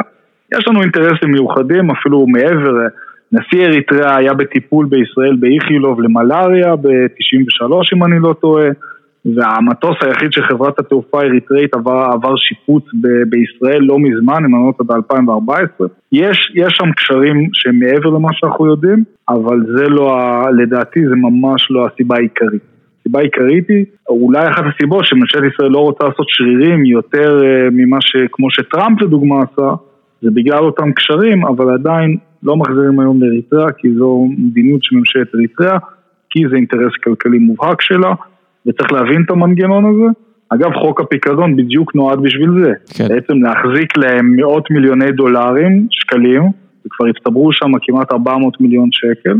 350 מיליון שקל, בעצם אולי להפוך ברגע שאתה עוצר את הזרם הכספים שנשלחים ובעצם המשטר יבין שאם הוא ישתף פעולה עם החזרה של החבר'ה, לפחות למעט מישהו ממש מתנגד משטר בולט, יכול להיות שהיה לו אינטרס כלכלי לשנות את המדיניות שלו, אבל לצערי בג"ץ שחרר את הכסף והמשטר האריתראי זכה עכשיו בבוננזה יפה, בזמן שהוא מאוד צריך את הכסף, אה, הודות לבג"ץ, אה, לצערי, אבל בכל מקרה אין פה קונספירציה. כנראה שלא. טוב, אה, חלק אחרון של הפרק, המלצות. מעבר לכל החומרים לקריאה שאתה תשלח לי לינקים ואני אנסה, רק תעשה את זה מיד אחרי הפרק, אני יודע שאתה עייף, גם אני. המלצות, סדרה, סרט, ספר, משהו שבא לך להמליץ, לא חייב עוד בנושא הפרק, אבל הבמה שלך. וואו, אני לא צופה בהרבה סדרות, אבל... מה שבא לך. סדרה, אני יחסית, דווקא בגלל שאני בדרך כלל מאוכזב מסדרות, אז אני אמליץ על סדרה חמודה שלא שמעתי עליה הרבה ביקורת, והייתה קלילה וחמודה ונהנית לי מאוד, שתי, סדרות מהירות, אחת באמזון Fleabag, סדרה מצוינת, ועוד סדרה בנטפליקס למי שרוצה, Kominsky Method, עם מייקל דאגלס, באמת לוקח נושא יחסית כבד של זקנה ומוות ועושה מזה צחוקים ומי שרוצה איזה תוכנית קלילה וכיפית שלדעתי אותי לפחות שהיא השעה אז אני בהחלט, בלי לחשוב יותר מדי לעומק על השאלה שלך אז אני בהחלט טוב מאוד, טוב מאוד. אני אמליץ על על ווסט וורלד, אני סופר נהנה, אני כל פעם אומר שזה סדרה שנעה בין עלילה קצת עצלה כמו תמיד. אבל החזון המדע בדיוני שלהם פנטסטי וסך הכל העלילה די בסדר. בסופו של דבר אני אני עדיין ממליץ כי אנחנו מאוד נהנים פה בבית מזה וזו הסדרה היחידה שאנחנו רואים עכשיו אז אני מאוד ממליץ. זה וה... משתפר אחרי העונה הראשונה? העונה הראשונה אהבתי אותה אז כנראה שזה לא בשבילך כי ממש אהבתי אותה העונה השנייה הייתה חלשה והעונה השלישית סבבה לגמרי אחלה טלוויזיה באמת מדע בדיוני פנטסטי. יונתן, תודה רבה. אנחנו פה מדברים כבר שעה וחצי, הצגת את הצד שלך בכבוד, אני חושב שהרבה אנשים התעניינו במה שאתה אומר וציפו למישהו עם קרניים ובסוף יצא מישהו שמדבר די לעניין, אני נהניתי מהשיחה. אני מקווה שגם אנשים אחרים. תודה רבה. תודה רבה רבה. אל תשכח לשלוח לי לינקים. כיף, תודה רבה. ביי ביי. ביי ביי. וזה היה הפרק עם יונתן יעקובוביץ', אני מקווה שנהניתם ו... אולי תמשיכו ולקרוא עוד על הנושא הכל כך חשוב ומעניין הזה עם הלינקים שיונתן אה, שלח לי בתקווה. ויש לי אה, תיקון אה, כמו מנהגנו בקודש אה, על שטויות שאני אומר אני מנסה לתקן. אז אה, רוי אורון פרסם בפורום החיים עצמם של גיקונומי, הוא אמר שהוא באמצע הפרק עם רע מאוד, אבל הוא לא הצליח להתאפק ויש לו שני תיקונים. אז דבר ראשון הוא מציין שמגמת השכר הריאלי בישראל עולה בצורה עקבית, אז קראתי, הוא גם ציין, הוא נתן פה אה, בלוג של אסף צימרינג, אה, שמסביר בעצם ומראה את הגרף של, של השכר הריאלי בארץ, ואכן מאז 1995, הוא כמעט ולא מפסיק לעלות, מן הסתם אה, סביב 2000 הוא התרסק בגלל פיצוץ בועת ההייטק וב-2008 בגלל המשבר הפיננסי העולמי הוא ירד, אבל מאז 2008 הוא רק עולה ועכשיו הוא בשיא אה, מאז התקופה ההיא, אה, אז יש את התיקון הזה ויש שם את הבלוג של אסף אה, שאתם יכולים לקרוא ולהחכים טיפה, כאלף מאה מילים, לא משהו ארוך מדי, בטח אם אתם שומעים פרקים של גיקונומי של שעה וחצי. אה, והדבר השני שהוא רצה לתקן זה העניין של אה, שציינו בפרק שהמעסיקים לא משלמים מספיק ביטוח לאומי, מה שרמי אה, אמר. אז רוי מוסיף וכותב, מספיק קורס מבוא בכלכלה כדי להבין שאין משמעות למי משלם את המס, העובדים או המעסיקים. בסופו של דבר יש כמה מספרים מאוד פשוטים, כגון עלות העסקה לעובד, שיעור ההפרשה כולל לביטוח לאומי, ומה ביטוח לאומי בעצם מכסה, משלם. עלייה בשיעור ההפרשה לביטוח לאומי, בין אם בצד המעסיק או בצד העובד, תביא לירידה בשכר הנטו של העובד. יש פה כל מיני חוקים די בסיסיים של כלכלה, לא תמיד כלכלה מתנהגת כמו שלומדים בשיעורי מיקרו ומקרו בתואר ראשון בכלכלה, אבל ככלל זה כנראה יותר מדויק ממה שאנחנו אמרנו בפרק עם רמי, בכל אופן אני מוסיף לכם לינק לתיקון הזה. לבלוג של אסף צימרינג, תקראו, תעקבו, תחכימו, אם אני ממשיך לעשות טעויות גם בפרק הזה, שלחו לי ואני אתן לכם את הבמה הראויה. תודה רבה, מקווה שנהנתם.